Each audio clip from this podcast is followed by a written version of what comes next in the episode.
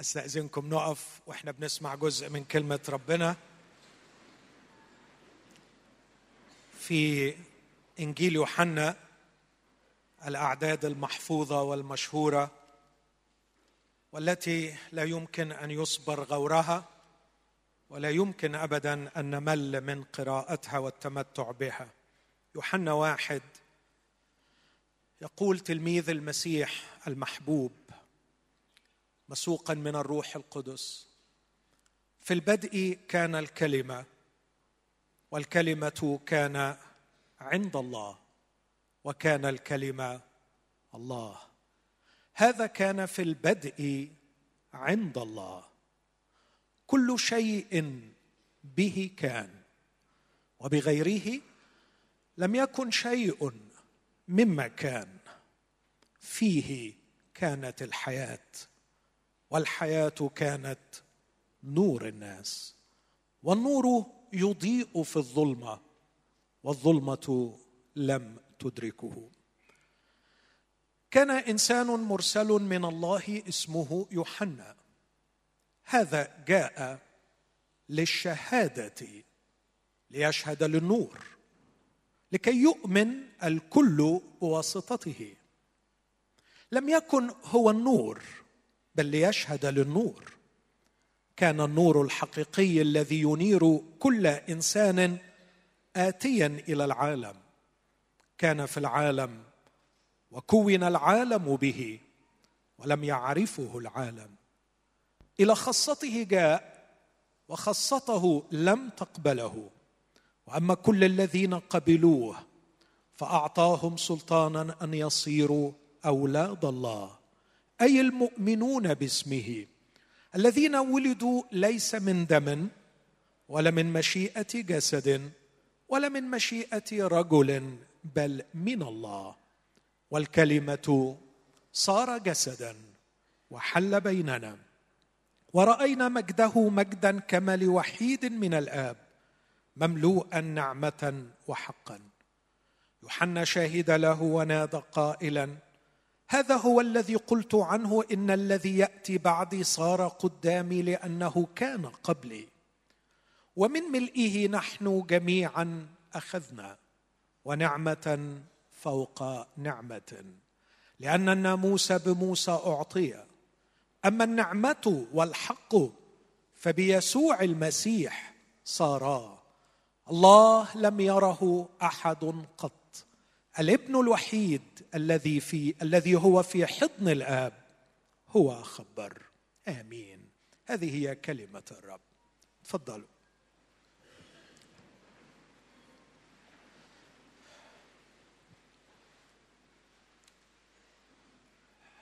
قلوبنا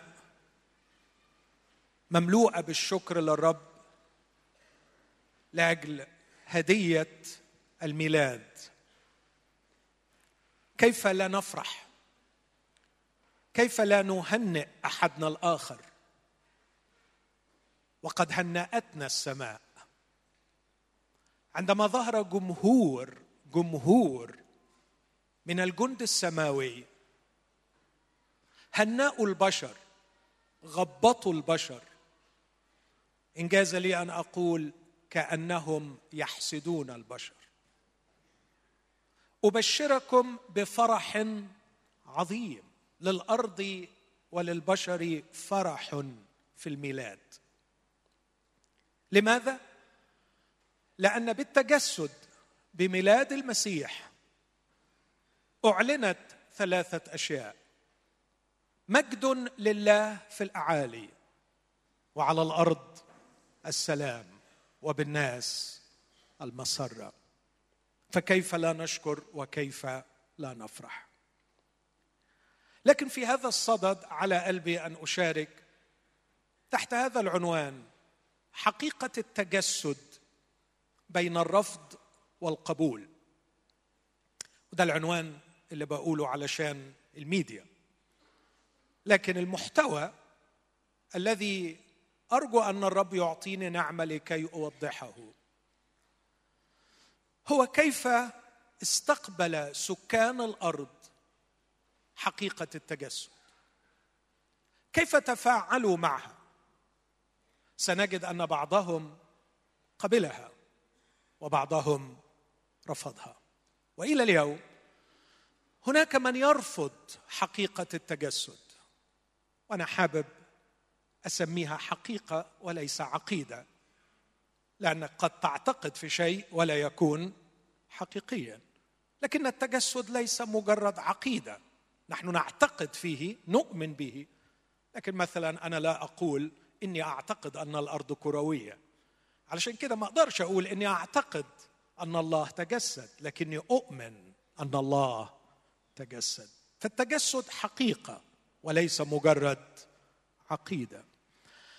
إلى اليوم هذه الحقيقة ينفتح لها ملايين القلوب في كل عام وتدخل وتستقر وتغير حياة الكثيرين.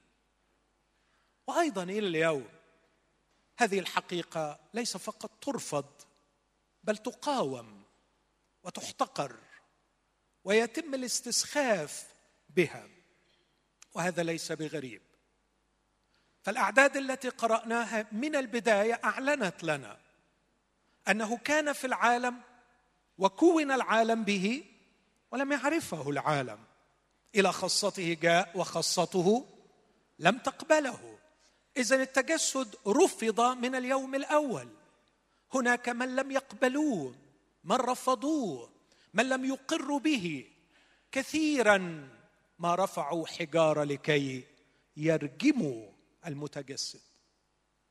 لكن في نفس الأصحاح الذي يخبرنا أن كثيرين قد رفضوا الحقيقة يؤكد لنا بقول رائع مفرح. أما كل الذين قبلوه فأعطاهم سلطانا أن يصيروا أولاد الله.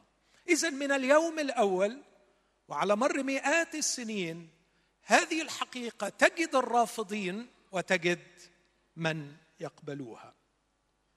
في الاجتماع الثاني لن أتكلم عن موقف سكان الأرض لكن أتكلم عن ملائكة السماء. كيف بلغوا خبر التجسد؟ كيف في أحاديثهم السبعه سبع مرات تظهر الملائكة بخصوص الميلاد وتتكلم؟ كيف في أحاديثهم الملائكية السبعة كشفوا الكثير عن حقيقة التجسد. في هذا الاجتماع أركز فقط على سكان الأرض الذين قبلوا والذين رفضوا.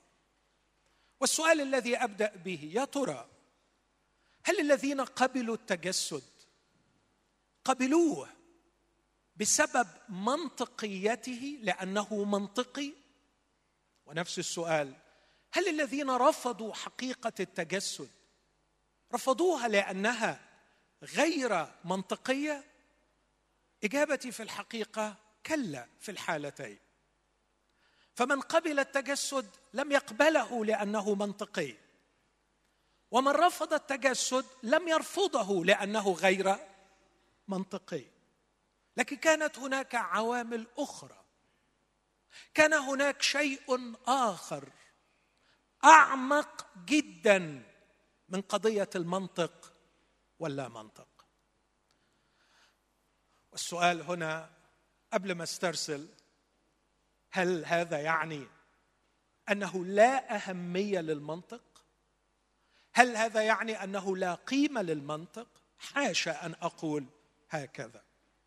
لكني أؤكد أن من قبل المسيح الله المتجسد لم يكن بسبب المنطق فقط. ومن رفض المسيح الله المتجسد لم يكن قط بسبب غياب المنطق. هناك شيء أعمق أتمنى إني أقدر أوضحه خلال هذا الاجتماع. اذا ما قيمة المنطق؟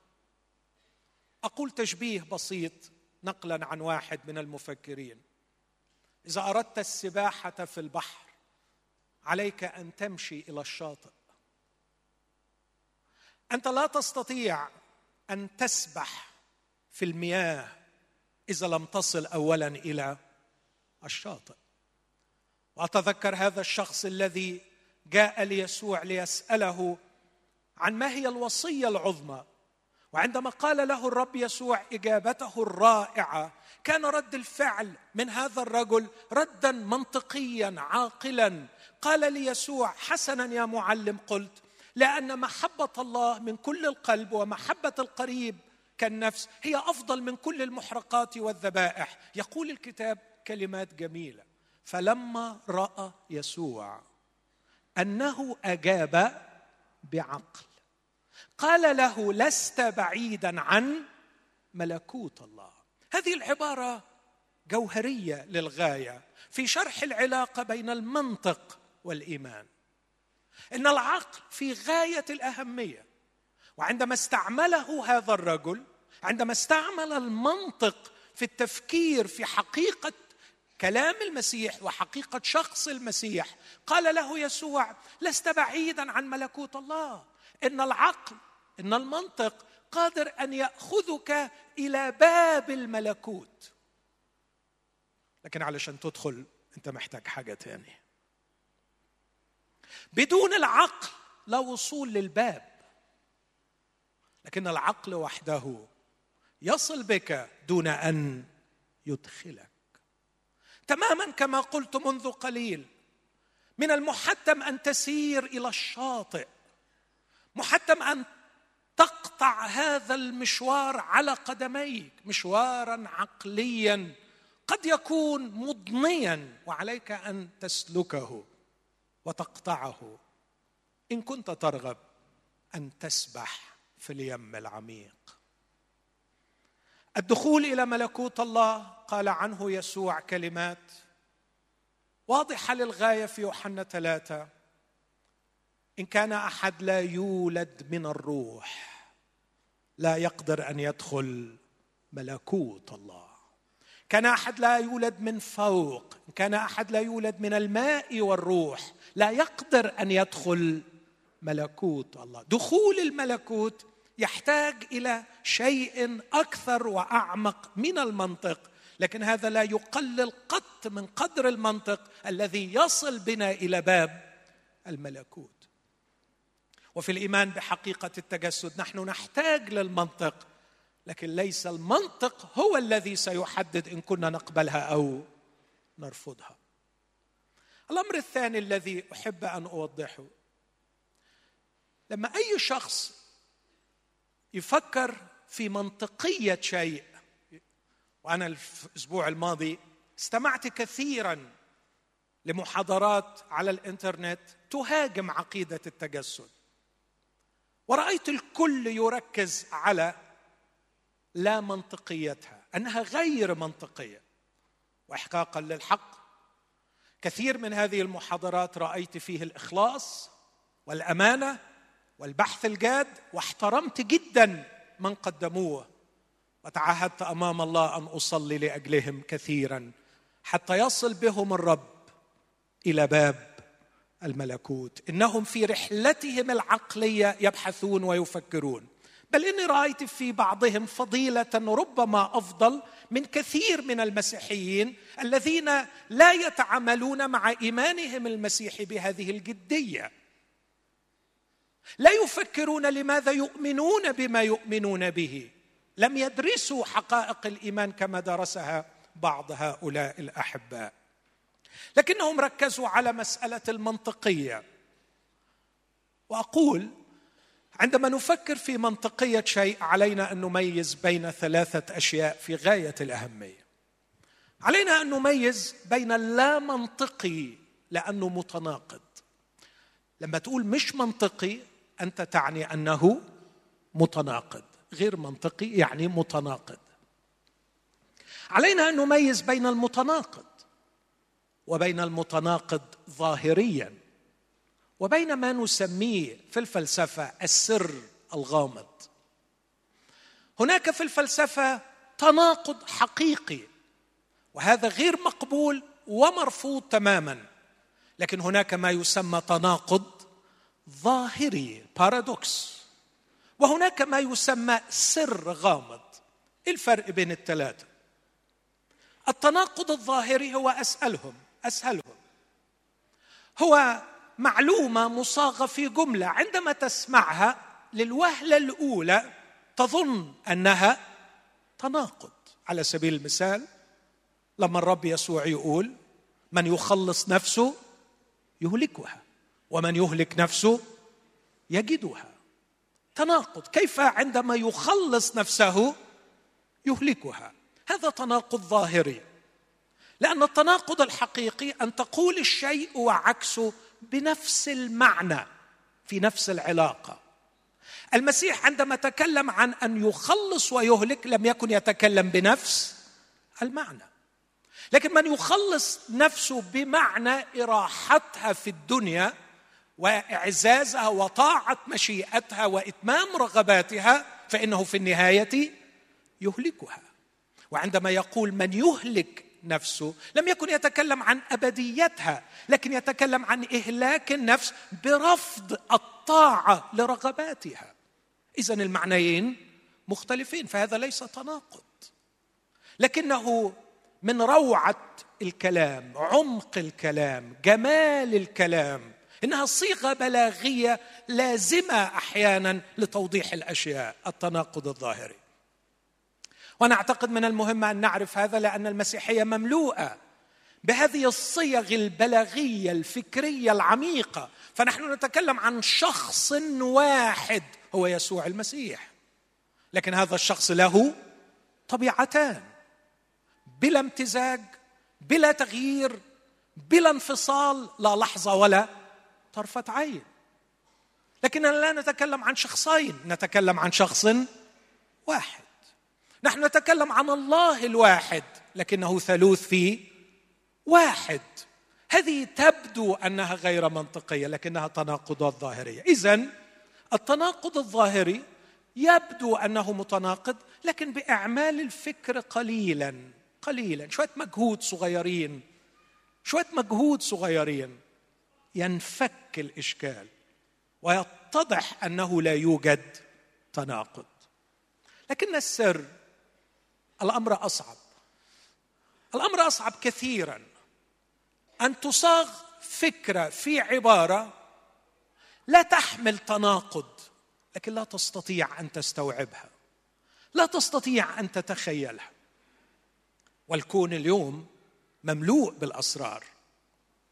هناك مجهود جبار يبذل من العلماء لفهم أسرار الطبيعة لكن في كثير منها ينتهي بهم البحث إلى هذا الإعلان إنه سر غامض.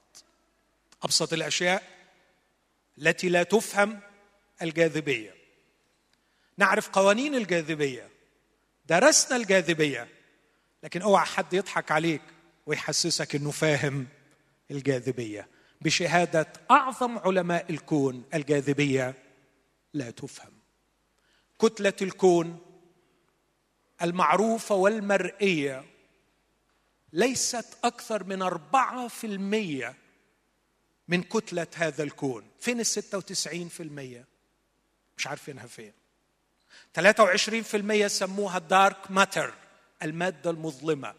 73% سموها دارك انرجي الطاقة المظلمة. 96% من مادة الكون غير معروفة. والبحث كله وما رأوه كله أربعة في المية طب والستة وتسعين في المية سر غير معروف. والعالم والعقل يقبل أن هناك أسرار. أقول أحبائي إذا كنا بالعقل نقبل أن هناك أسرار في الخليقة. ما المانع أن تكون هناك أسرار في الخالق؟ وإن كانت هناك أسرار في العالم المادي فما المانع أن تكون هناك أسرار في العالم الروحي. إن حقيقة التجسد حقيقة عميقة. لا ندعي ابدا أننا فهمنا أعماقها وأبعادها. لقد اختبرنا صدقها وتأثيرها وقوتها المغيرة في حياتنا لكن لا ندعي ابدا أننا فهمنا كل أبعادها. ونظل مع بولس الرسول نقول بالإجماع عظيم هو سر التقوى. الله ظهر في الجسد. اذا التناقض الظاهري يحتاج إلى مجهود. السر ربما يحتاج إلى وقت. ربما مئات السنين ربما آلاف السنين ويتفك اللغز ما نعرفش. لكن التناقض الحقيقي لا ينفع معاه مجهود ولا ينفع معاه وقت. لأنه في الحقيقة ما هواش من الأصل حاجة ممكن تتفهم. تحتاج مجهود أو تحتاج وقت. هو ما يتفهمش. زي ما أقول واحد يعمل مربع مستدير. أو واحد يعمل مثلث بخمس زوايا. خلاص تناقض. طالما مثلث يبقى لازم يكون ثلاث زوايا. طالما مربع لازم ما يكونش مستدير. والسؤال هل عندما نقول أن الكلمة صار بشرا هل عندما نقول أن الله تأنس يا ترى هو السر أم أنه تناقض؟ أنا أترك هذا السؤال لكل من يبحث في قضية المنطقية وأرجو أن يكون امينا مع نفسه لكي ما يصل إلى إجابة. هل هناك استحالة منطقية استحالة منطقية أن يتأنس الإله؟ هل هناك فعلا معضلة عقلية جبارة تمنع الله من أن يأتي إلينا في صورة إنسان؟ أنا لا أعتقد وأترك هذا لكل صاحب قلب مخلص وعقل مجتهد أن يصل بنفسه إلى هذا الجواب. لكن في أشخاص هنا قبلوا حقيقة التجسد. يوحنا يتكلم بوضوح شديد ويقول إن الشخص الذي لمسوه ورأوه وشاهدوه هو الكلمة الذي صار بشرا وحل بيننا. والكلمة الذي صار بشرا هو نفس الله. في البدء كان الكلمة والكلمة كان عند الله وكان الكلمة الله. والسؤال اللي بسأله ليه الناس دول قبلوا؟ ليه الناس دول ما شافوش إن هناك استحالة منطقية أن يقبلوا أن الله قد تأنس؟ ليه ما كانش عندهم استحالة إنهم يقبلوا هذا الأمر؟ ليه المنطق ما عطلهمش؟ لأسباب كتير. السبب الأول تصورهم الصحيح عن الله. تصورهم الصحيح عن الله. هؤلاء الأشخاص كانوا أتقياء كانوا مخلصين كانوا تلاميذ ليوحنا المعمدان. تفتكروا لما ابتدوا علاقتهم بالمسيح كانوا بينادوا بعضهم يقولوا وجدنا الذي كتب عنه موسى في الناموس والأنبياء. كانوا ينتظرون تعزية الله. كان لديهم تصور صحيح عن الله. إيه التصور الصحيح اللي عن الله؟ مثلا أن الله مخلص. الله ليس مجرد شخص متعالي في سماء منعزل عن الناس لا يشعر بألام الناس ولا يريد أن يمد يده لخلاص البشر. الجماعه دول كان عندهم قصة في غاية الأهمية. تقوم عليها أمتهم. لو حكيت مع أي واحد منهم وتقول له إيه أحلى حكاية في تاريخكم تحكيها لأولادك؟ يقول لهم أحلى حكاية إنه في يوم من الأيام كان أباؤنا وأجدادنا عبيد أذلاء في أرض مصر. لكن في يوم من الأيام كان موسى رجل الله يرعى الغنم في برية سيناء رأى عليقه متوقده بالنار. عليقه متوقده بالنار لكن العليقه لم تكن تحترق. لقد شاهد منظرا عجيبا لدرجة أنه قال أميل لأنظر هذا المنظر العجيب. ويحكي الأب لأبنائه ويقول له يا ابني وعندما اقترب موسى رجل الله إلى العليقه سمع صوتا اتيا من العليقه يقول له اخلع نعليك لأن الأرض التي أنت واقف عليها أرض مقدسة. على الفور عرف موسى أن الله حاضر في العليقة أن الله موجود في هذه العليقة. فخلع حذاءه واقترب في خشية وسمع الله يتكلم من وسط العليقة. وأكيد الولد يأخذه الشغف فيقول وماذا قال الله عندما حضر؟ قال له يا ابني قال إلهنا لموسى إني رأيت مذلة شعبي وسمعت صراخهم وعلمت أوجاعهم ونزلت لأخلصهم. نزلت لأخلصهم. وأتخيل الولد يقول لبابا يا بابا إيه الدرس اللي نستفيده من القصة دي؟ طلع لي دروس ما بنعمل مع أولادنا. احكي لي يا بابا إيه هو الدرس المستفاد من قصة العليقة. أعتقد إنه ممكن يستخلص دروس كثيرة لكن على الأقل في درسين. الدرس الأول ابني إن الله يرى أوجاعنا. إن الله يرى ألامنا. إن الله يشعر بمأساتنا. وليس عنده مانع أن ينزل لكي يخلصنا. ينزل لكي يخلصنا. والأمر الثاني إن الله قادر على الحضور. قادر على الحضور في عليقة. ويجعل العليقة تتوقد وهي لا تحترق. وإذا كان قد قدر على الحضور في عليقة كان قادرا على الحضور في رحم امرأة. وإذا كان قد استعلن في شجرة قادر أن يستعلن في إنسان. لقد تهيأ ذهنهم بتعليم صحيح عن الله.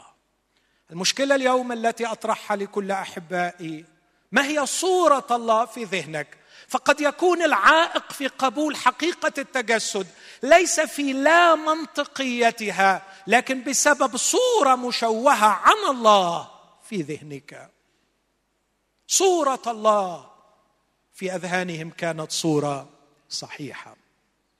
لكن أيضا يقول له احكي لي مزيدا من القصص يا أبي عن إلهكم عن إله آبائنا. أعتقد أن واحدة من أكثر القصص التي يمكن أن يحكيها هي حضور الله على جبل سيناء. فيحكي له قصة أخرى أن الله قد حضر مرة أخرى. مش بعيد الولد يقول له إيه ده هو كان بيجي كتير كده؟ يقول له آه بيجي بيحضر. ما عندوش مانع إنه يحضر يا ابني. الله بيحب يحضر وسط بني البشر بيحب الحضور. لقد حضر في شجرة وحضر أيضا على جبل. وكما توقدت الشجرة ولم تحترق تزلزل الجبل ولم ينهدم. حتى أن وصية العهد وهو يرى حضور الله على الجبل قال أنا مرتعب. ومرتعد. لقد كان الحضور الإلهي على جبل سيناء حضورا ثقيلا بروق ورعود ودخان وزلزلة وصوت ثقيل جدا. لقد حضر الله بأدلة حسية مسموعة ومرئية تؤكد أن الله قد حضر. الله حضر. ويسأل الولد وماذا حدث عندما حضر؟ يقول له لقد تكلم الله يا ابني. لقد تكلم وتكلم كثيرا. لقد تكلم ولقد كتب يا ابني. لقد أخذ لوحين وكتب عليهما بإصبعه. فكانت الكلمات كلمات الله والكتابه أيضا كتابه الله. ولو الولد ذكي شوي يقول له هل تريد أن تقول أن الله يحب التواصل يبغي التواصل يبغي شركة مع الإنسان ويريد أن يتواصل. يقول له نعم إنها كانت افتتاحية أحاديث طويلة وكبيرة يا ابني. فالله كلم الأباء قديما بأنواع وطرق كثيرة. فما المانع أن يكلمنا في آخر هذه الأيام في ابنه؟ إنه يحب أن يتواصل إنه يريد أن يتواصل. إخوتي عندما نتكلم عن الله الغفور الله الصبور الله الرحيم الله الحنان عندما نتكلم عن الله اللطيف نحن نتكلم عن علاقات. نحن نتكلم عن علاقات.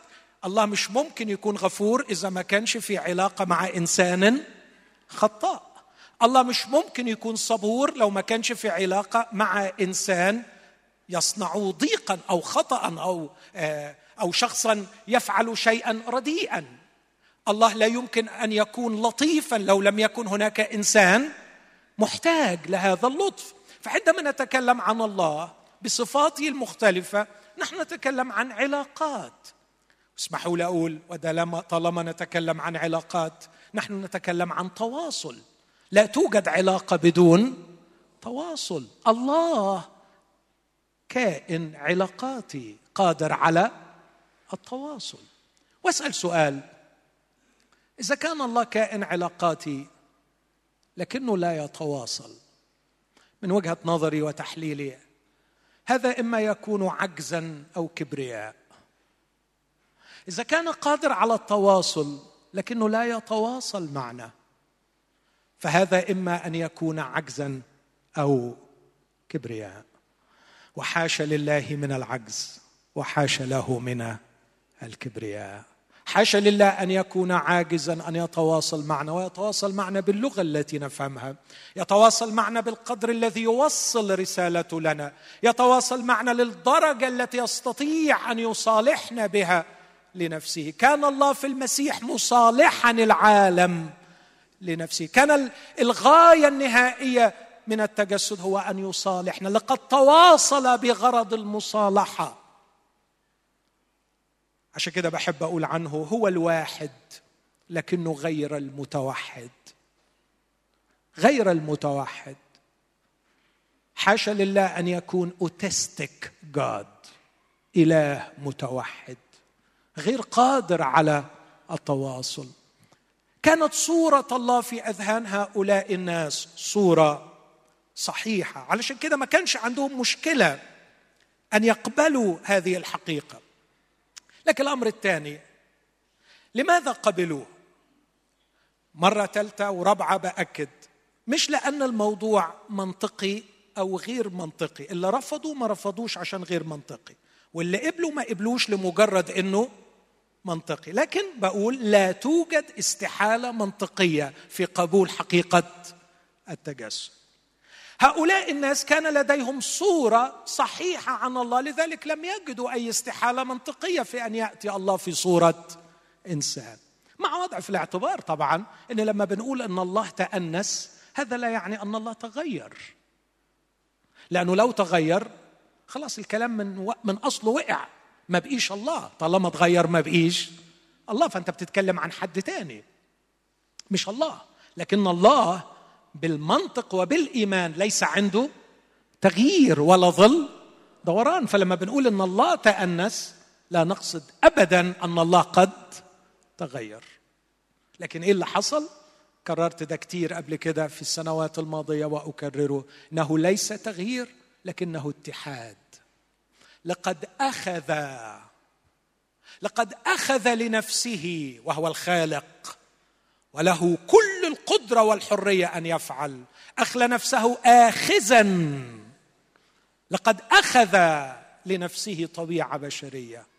واتحد غير المحدود بالمحدود فلم ينقص غير المحدود ولم يزد المحدود. لكنه اتحاد سري عجيب بلا امتزاج بلا تغيير بلا اختلاط وبلا انفصال لا لحظة ولا طرفة عين. كيف نفهم هذا؟ إنه سر.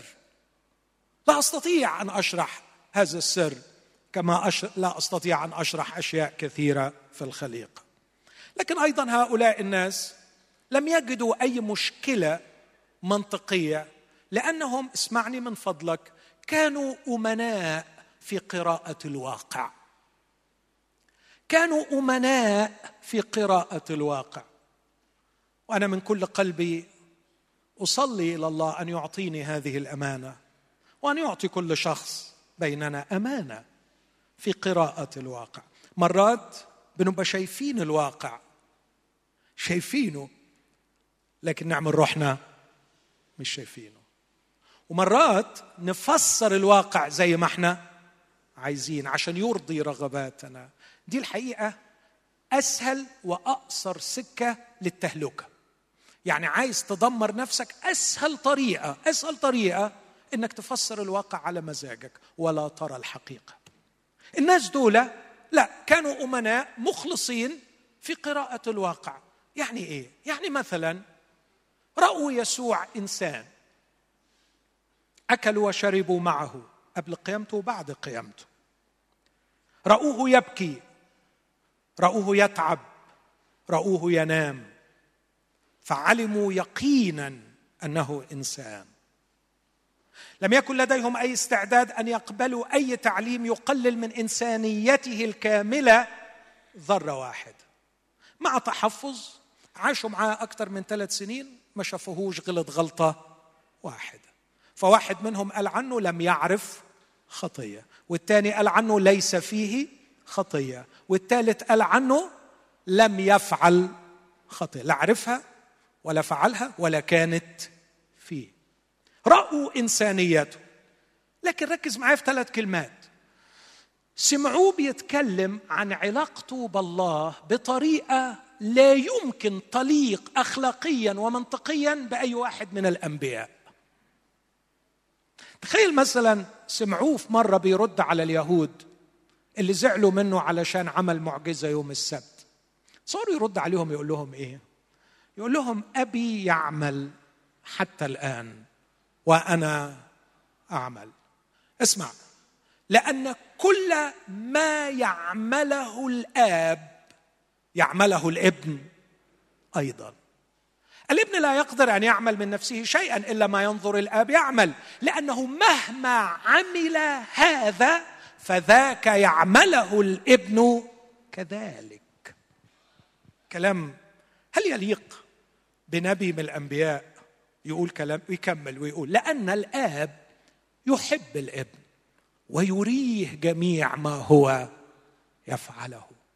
والآب لا يدين احدا لكنه أعطى كل الدينونه للابن. والآب كما أن له حياة في ذاته فيقيم الموتى ويحيي. كذلك الابن أيضا يحيي من يشاء. إيه اللغة دي؟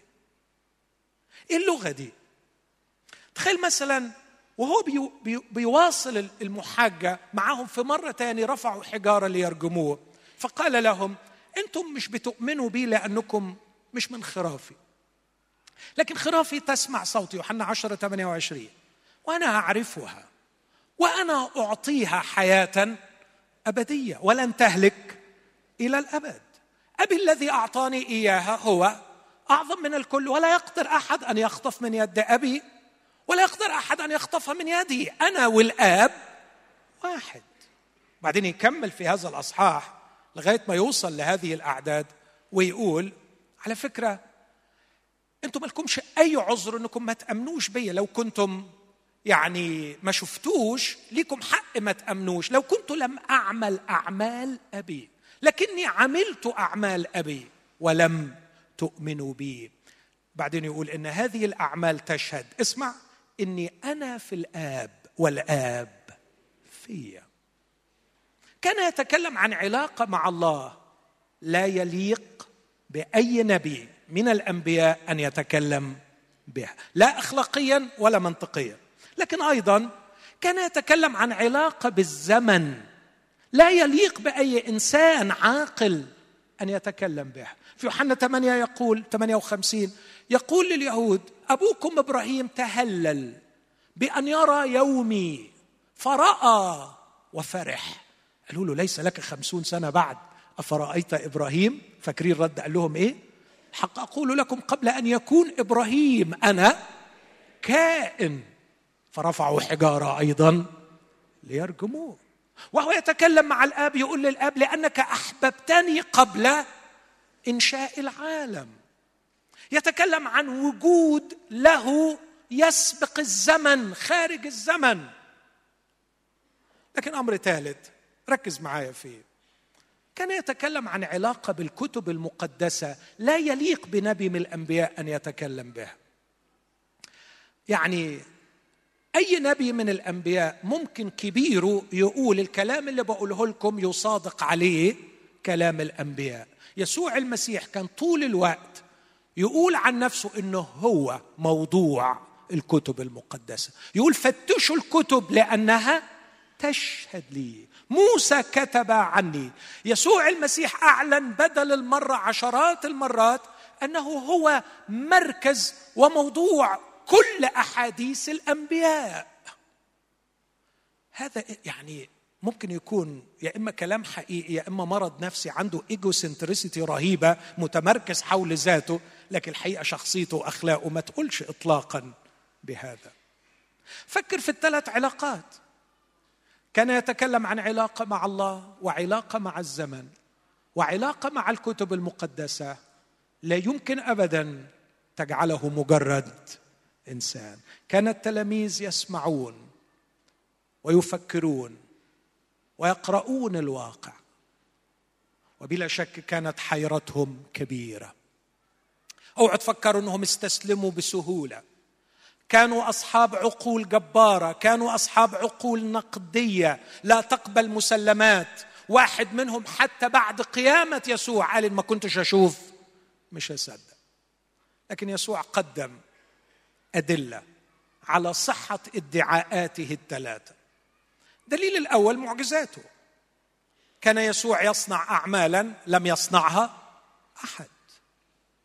الأمر الثاني اللي كان واضح أخلاقه. أخلاقه. وأرجوك تفكر في أخلاقه وعقله وشخصيته. امتحن أمامهم عشرات المرات لم يخطئ خطا واحدا. لم يخطئ مع طفل لم يخطئ مع امرأة لم يخطئ مع رجل لم يخطئ في حوار لم يخطئ في حديث لم يتراجع عن فكرة قالها لم يناقض نفسه مرة واحدة. كانت أمامهم أدلة عقلية وأخلاقية على روعة هذا الشخص. لكن فوق الكل وأهم من الكل يسوع قام من الأموات. يسوع قام من الأموات. لقد صنع المعجزات. لقد عاش بأخلاق لم يعش بها أحد. ثم في النهاية مات وقام كما قال. أعتقد إنه ده خلاهم يقبلوا أن ادعاءاته عن نفسه أنه الله الظاهر في الجسد لا يمكن أن تكون مجرد ادعاءات إنها حقيقة إنها حقيقة. لم يكن لديهم أي استحالة منطقية في أن يقبلوا هذا الشخص لأن كانت لديهم صورة صحيحة عن الله ولأنهم كانوا يجيدون قراءة الواقع. أقول لأخي لصديقي لكل باحث مخلص قبل أن تبدأ فحصك لحقيقة التجسد افحص صورة الله في ذهنك. إن كان الله في ذهنك غير محب لا يبغي خلاصنا لا يشعر بمأساتنا ليس لديه مخطط لإنقاذنا. أعتقد أن عقيدة التجسد غير منطقية. إذا كانت صورة الله في ذهنك أن الله إله واحد متوحد لا يبغي التواصل أعتقد أنها غير منطقية. لكن إذا كان الله في ذهنك هو المحب الذي يشتهي أن يتواصل مع البشر ويحضر بين بني البشر ولقد حضر في صور مختلفة قبل هذا مرة ومرات لن يكون هناك صعوبة في أن تقبل أنه يحضر في صورة بشر. لكن أيضا عليك أن تكون امينا في تحليلك للواقع. اقرأ مش بس الكتاب المقدس لكن اقرأ أيضا الواقع. وآه لو ربنا فتح ذهنك وقريت الواقع. اقرأ الواقع في التاريخ. اقرأ عن تأثير المسيح في حياة الملايين على مر العصور. اقرأ كيف غير هذا الشخص بمعجزة بديعة حياة كل من قبلوه. جرب يا أخي أنت اقبل أنت اقبل وجرب في نفسك. وشوف إيه التغيير اللي ممكن المسيح يجريه في حياتك. لكن الأمر الثالث وهو الأهم عندي وأنهي به كلامي لماذا لم يكن لديهم استحالة منطقية لقبول هذا الحق حقيقة التجسد؟ أقول لقد كان عندهم عطش روحي وجوع وجودي. عطش روحي وجوع وجودي. وأنا أعتقد أن الرب يسوع كان دائما يخاطب هذا العطش وهذا الجوع قبل أن يخاطب المنطق. هذا لا لأنه كان يحتقر المنطق أو يقلل من قيمته لكن كان يعرف أن المنطق سيأتي لاحقا. هيجي المنطق. لكن يسوع عندما كان يوجه دعوته لو تفتكروا مش كان بيقول من كل من صاحب عقل ومنطق يأتي إلي لكن كان بيقول من يقبل إلي لا يجوع من يؤمن بي لا يعطش ابدا. وقف يسوع في اليوم الأخير العظيم من العيد ونادى قائلا إن عطش أحد إن عطش أحد فليقبل إلي ويشرب. أخي مع كل حبي وتقديري لمنطقك وقدرة منطقك إن لم تكن عطشانا روحيا وجائعا وجوديا لعلاقة إلهية مغيرة للحياة مهما توفرت الأدلة المنطقية لن تقبل يسوع المسيح المتجسد. لن تستطيع أن تقبله لأنك غير محتاج إليه. أحكي حكاية بسرعة وبعدين أطبق على التلاميذ دول. كنت بقرأ الأسبوع الماضي لمارتن بوبر فيلسوف ملحد. كان يتكلم عن العلاقات وأهميتها في حياة الإنسان. اسمع من فضلك وركز معايا في اللي بيقوله الراجل ده. مارتن بوبر بيقول هل رأيت طفلا رضيعا ملقى على ظهره في فراشه يبكي؟ هذا الطفل يصرخ لأنه عاجز كل العجز. عاجز عن الأكل عن الشرب عن الحركة عاجز حتى عن أن يقلب نفسه. إنه ينتظر حضور أمه. بعدين يقول مارتن بوبر إن حضور الأم للغرفة في هذه الحالة ليس مجرد حضور إنسان لكنه حضور الحياة لهذا الطفل. إن دخول الأم للغرفة هذا الدخول هذا الحضور الذي حول الألم والبكاء والصراخ إلى ابتسامة عريضة وشوق وشغف. ليس مجرد حضور إنسان هيعمل له شوية حاجات هو محتاجها لكن بوبر يقول إنه حضور الحياة. ثم يستكمل ويقول كلنا هذا الطفل. نحن ملقين على ظهورنا نصرخ من الألم والمعاناة في هذه الحياة. قد كبرت أجسادنا كبرنا وكبرت مشاكلنا. لقد نمونا وتعقدت ظروفنا. ولم نزل ملقين على ظهورنا. ننتظر علاقة معها تحضر الحياة. وأنا بقرأ الكلام ده وقلت يا ترى يا بوبر أين تلك العلاقة؟ بس عندي خبر لي طبعا مش هيسمعني الرجل مات للأسف. عندي خبر لكل من يتساءل هذا السؤال. أيها الملقى على ظهرك. أيها الذي تعيش في انتظار علاقة معها تحضر الحياة. الخبر الحلو الحياة وصلت. الحياة وصلت. إن الحياة أظهرت. هذا الذي كانت تشتاق إليه قلوبنا منذ فجر التاريخ أن يأتي مشتهى كل البشر. هذه العلاقة مع هذا الشخص الذي معه نعرف معنى الحياة. لقد حضر. ها أنا أبشركم بفرح عظيم يكون لجميع الشعب. لقد دخلت الأم إلى الحجرة أيها الطفل المسكين. لقد دخل الله إلى البشرية أيها البشر البائسين. لقد دخل الله. وصل الله. إن الغرفة كبيرة وألامها كثيرة. إن الغرفة مملوءة بالدموع وبالألم وبالوجع وبالظلم وبالعنف وبالإرهاب وبالقسوة. لكن أياتها البشرية المعذبة لك أعظم خبر. الله قد حضر. الله وصل إلى عالمنا. هذا هو الخبر. من سيقبل الخبر؟ كل من لديه جوع لهذه العلاقة. لكن من استطاع أن يقتل هذا الجوع بالجنس بالمال بالسلطة بالعنف لم يعد لديه شهوة للحي الأبدي الذي يعطي الحياة.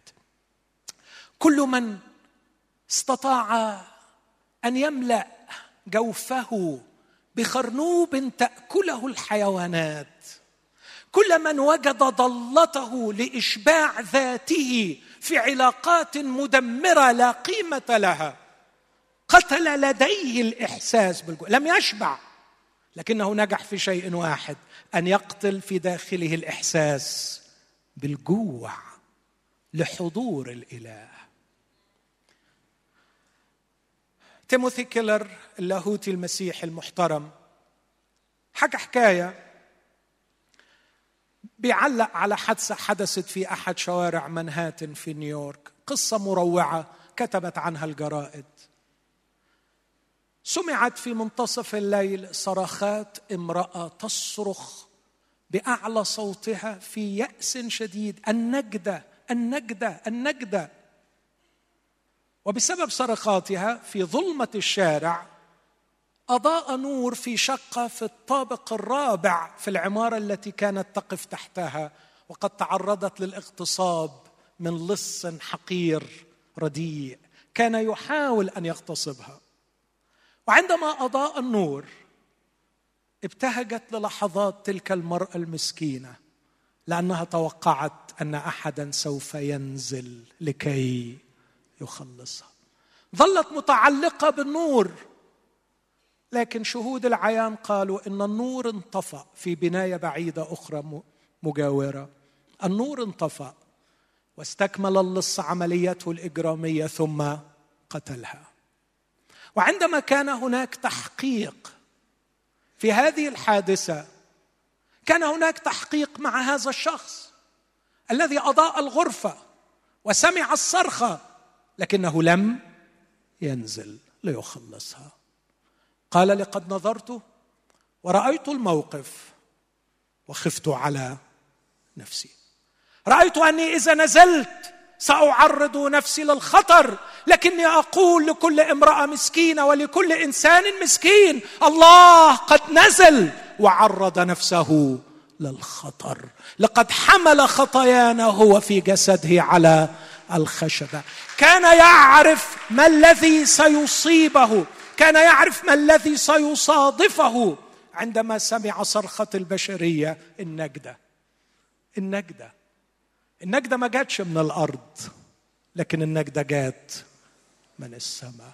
والسماء سمعت صرخة البشرية المعذبة اللي قاعدين على أسرتهم وفي قصورهم اللي قاعدين ينظروا لعقائد دينية مختلفة.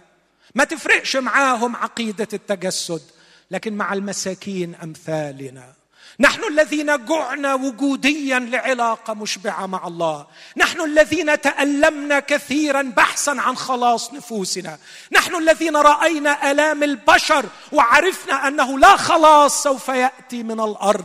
عندما نسمع هذا الخبر أن السماء استجابت لنا وأن الله قد حضر سهل علينا أن نقبل الإيمان بأن الله قد وصل. الله وصل. أضاء النور وسمع الصرخة ولم يتردد في أن ينزل. وكان عارف كان عارف لما هينزل مش هيقابل حرامي. كان عارف إنه لما هينزل هيقابل زعيم العصابة. كان هيقابل ذاك الذي له سلطان الموت. كان عارف. وأول ما نزل على فكرة استقبله الراجل ده بمحاولة قتله عن طريق هيرودس. حاول قتله. وهرب سيدنا إلى مصر. ده هتكلم عنه في الاجتماع الثاني. ثم عاد. وعندما عاد التقاه في البرية أربعين يوما يجربه. وفي النهاية التقى الغريمان عشرات المرات في شوارع الجليل وفي أورشليم وفي اليهودية. حتى وصلا إلى المعركة النهائية. وهناك على الصليب كان يسوع يبيد بالموت. ذاك الذي له سلطان الموت. ويعتق أولئك الذين خوفا من الموت كانوا جميعا كل حياتهم تحت العبودية. أنا خلصت. بس خدوا بالكم. الدليل على صحة الكلام اللي بقوله ده موجود في يوحنا واحد واثنين أرجوكم تقروه بتدقيق.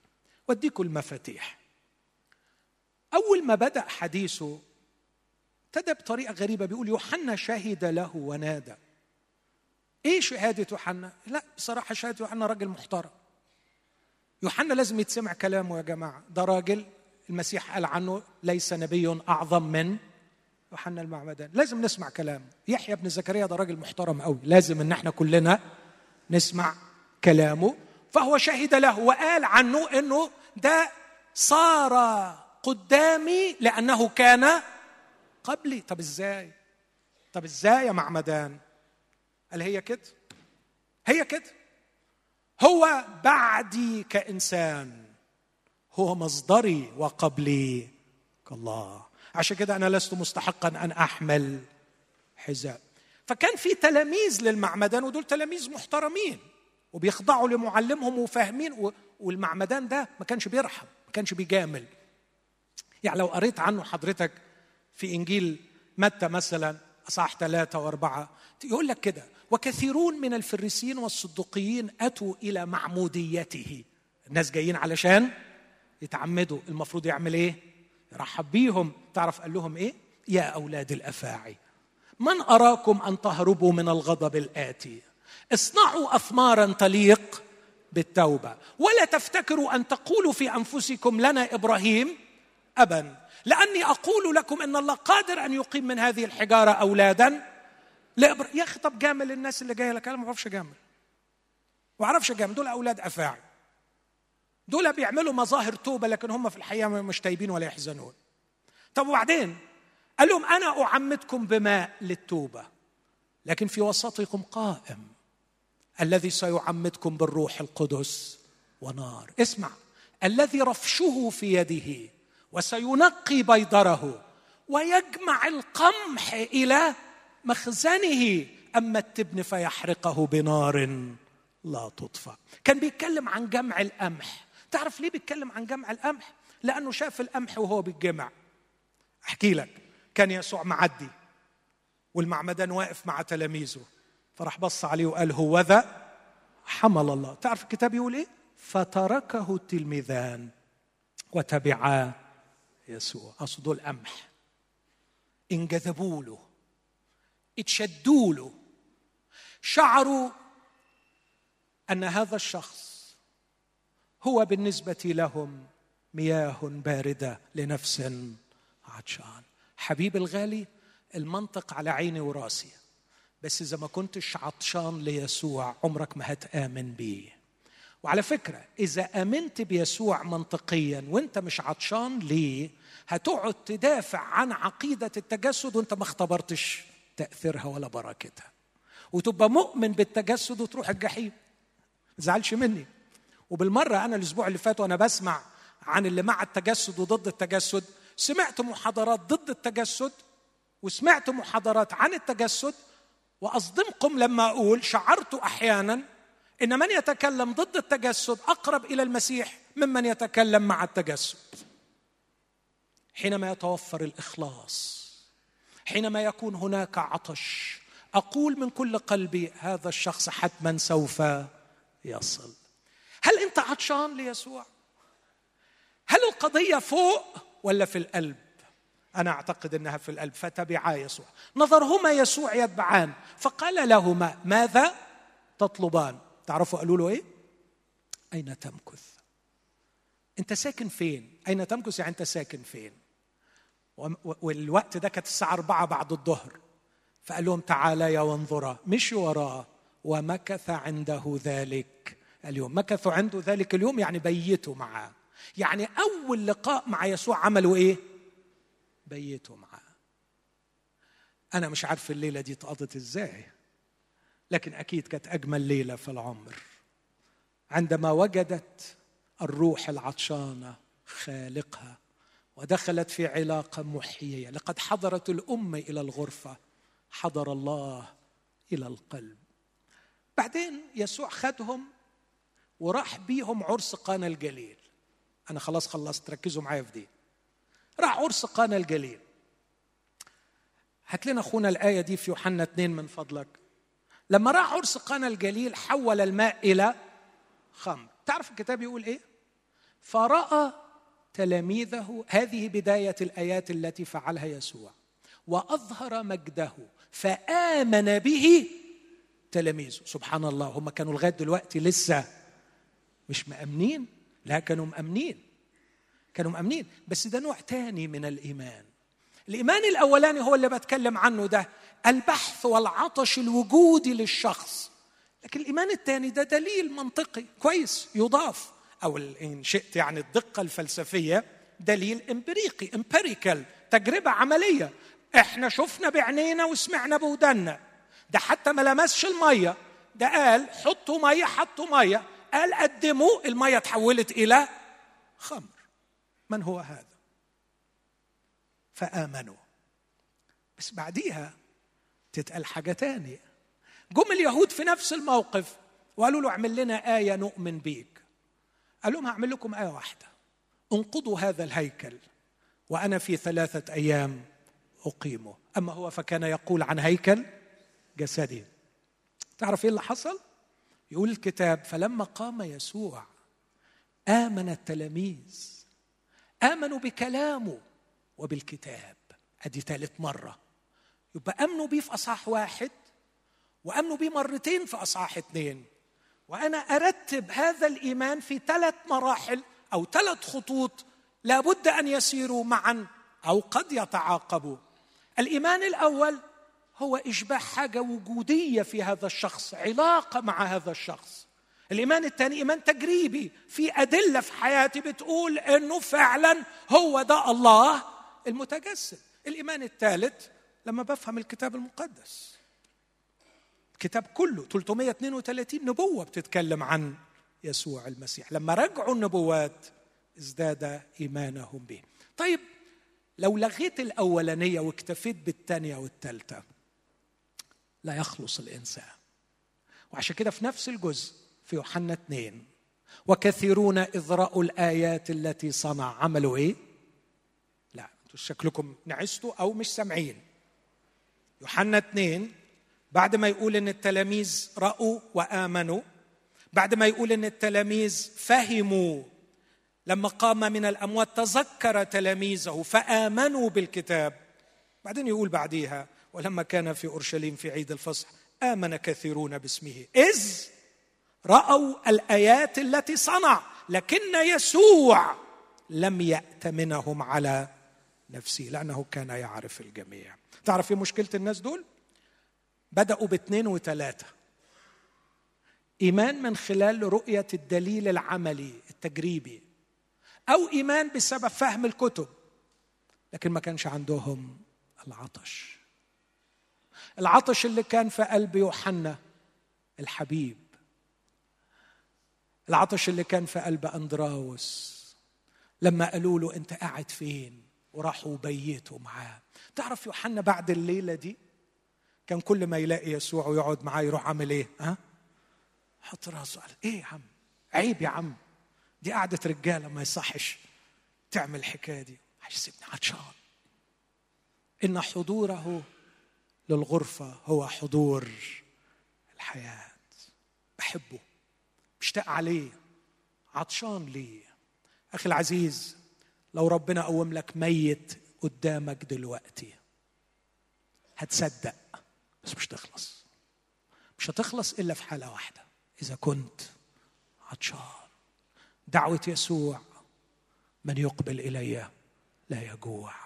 إن عطش أحد فليقبل إلي ويشرب. من كل قلبي بهني نفسي وبهنيكم بعيد الميلاد. لقد وصل الله إلى الأرض وهو يقدم يده لكل عطشان. تعالوا أيها العطاش بلا فضة وبلا ثمن. كل من يعطش فليأتي ومن يرد فليأخذ ماء حياة مجانا إن شاء الله يكون العيد ده عيدك ويكون عيد ميلاد يسوع هو قبولك للحياة ووصولك للشبع في هذه العلاقة. خلونا نقف كلنا وإحنا بنفرح بوصول الحي. نهني أنفسنا وأقدم الدعوة من قلبي لكل شخص لم يزل عطشانا إلى علاقة.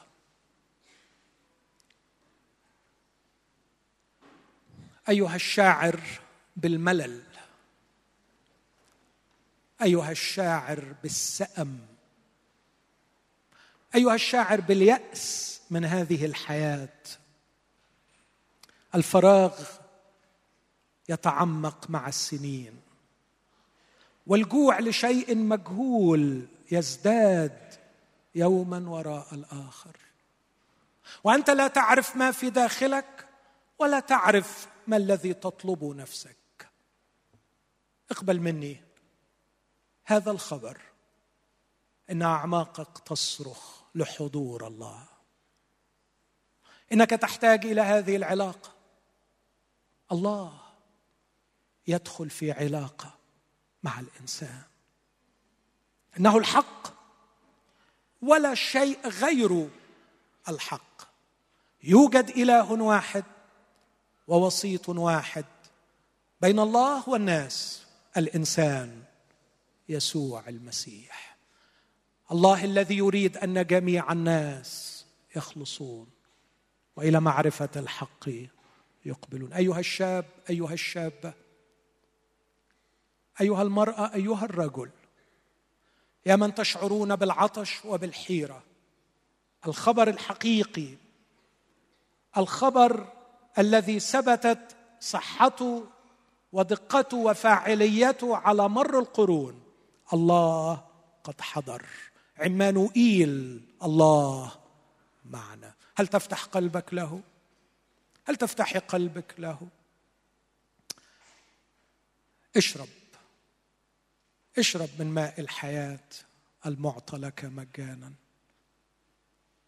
شاء الله احتفالنا بالعيد السنة دي يكون مختلف. نحتفل فعلا بحضوره في الحياة. يسوع هو الطريق. يسوع هو الحياة. يسوع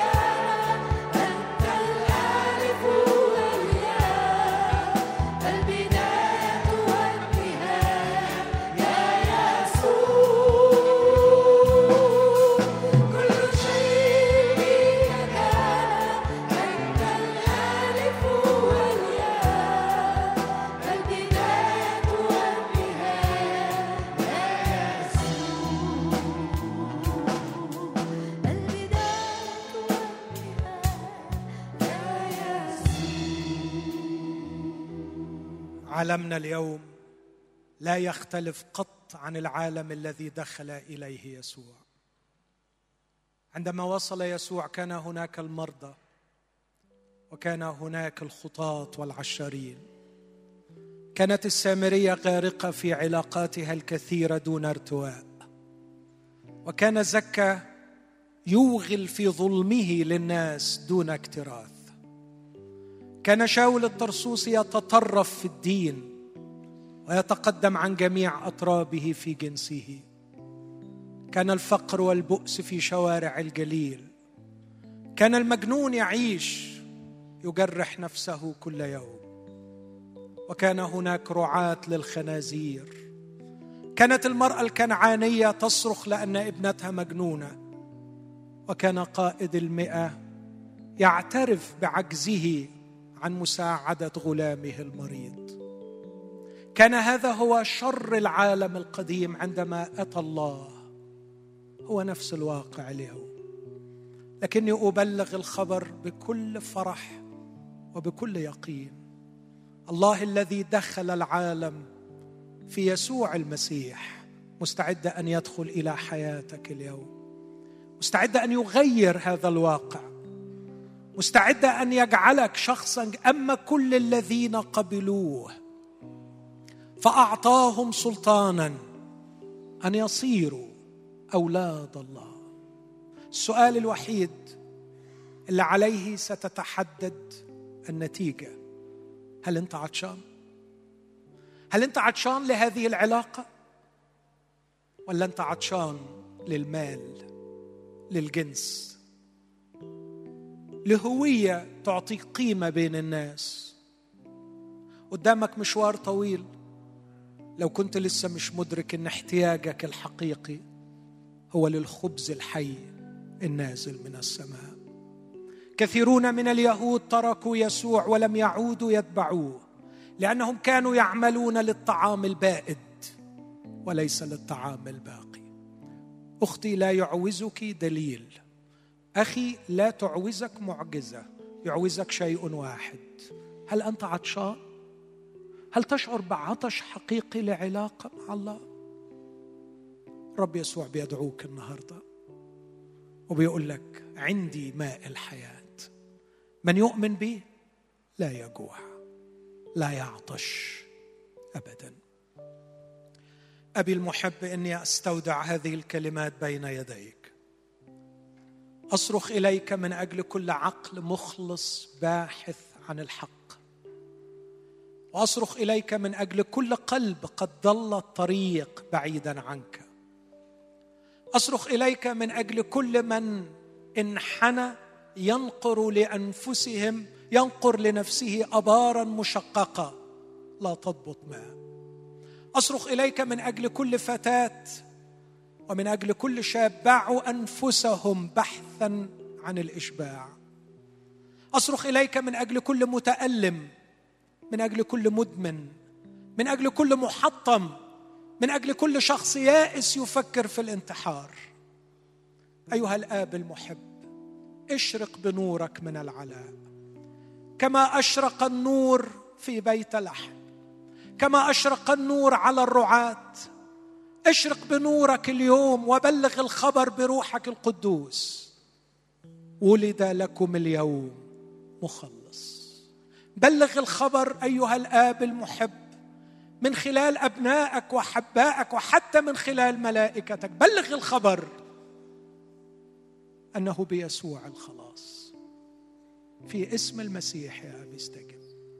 آمين.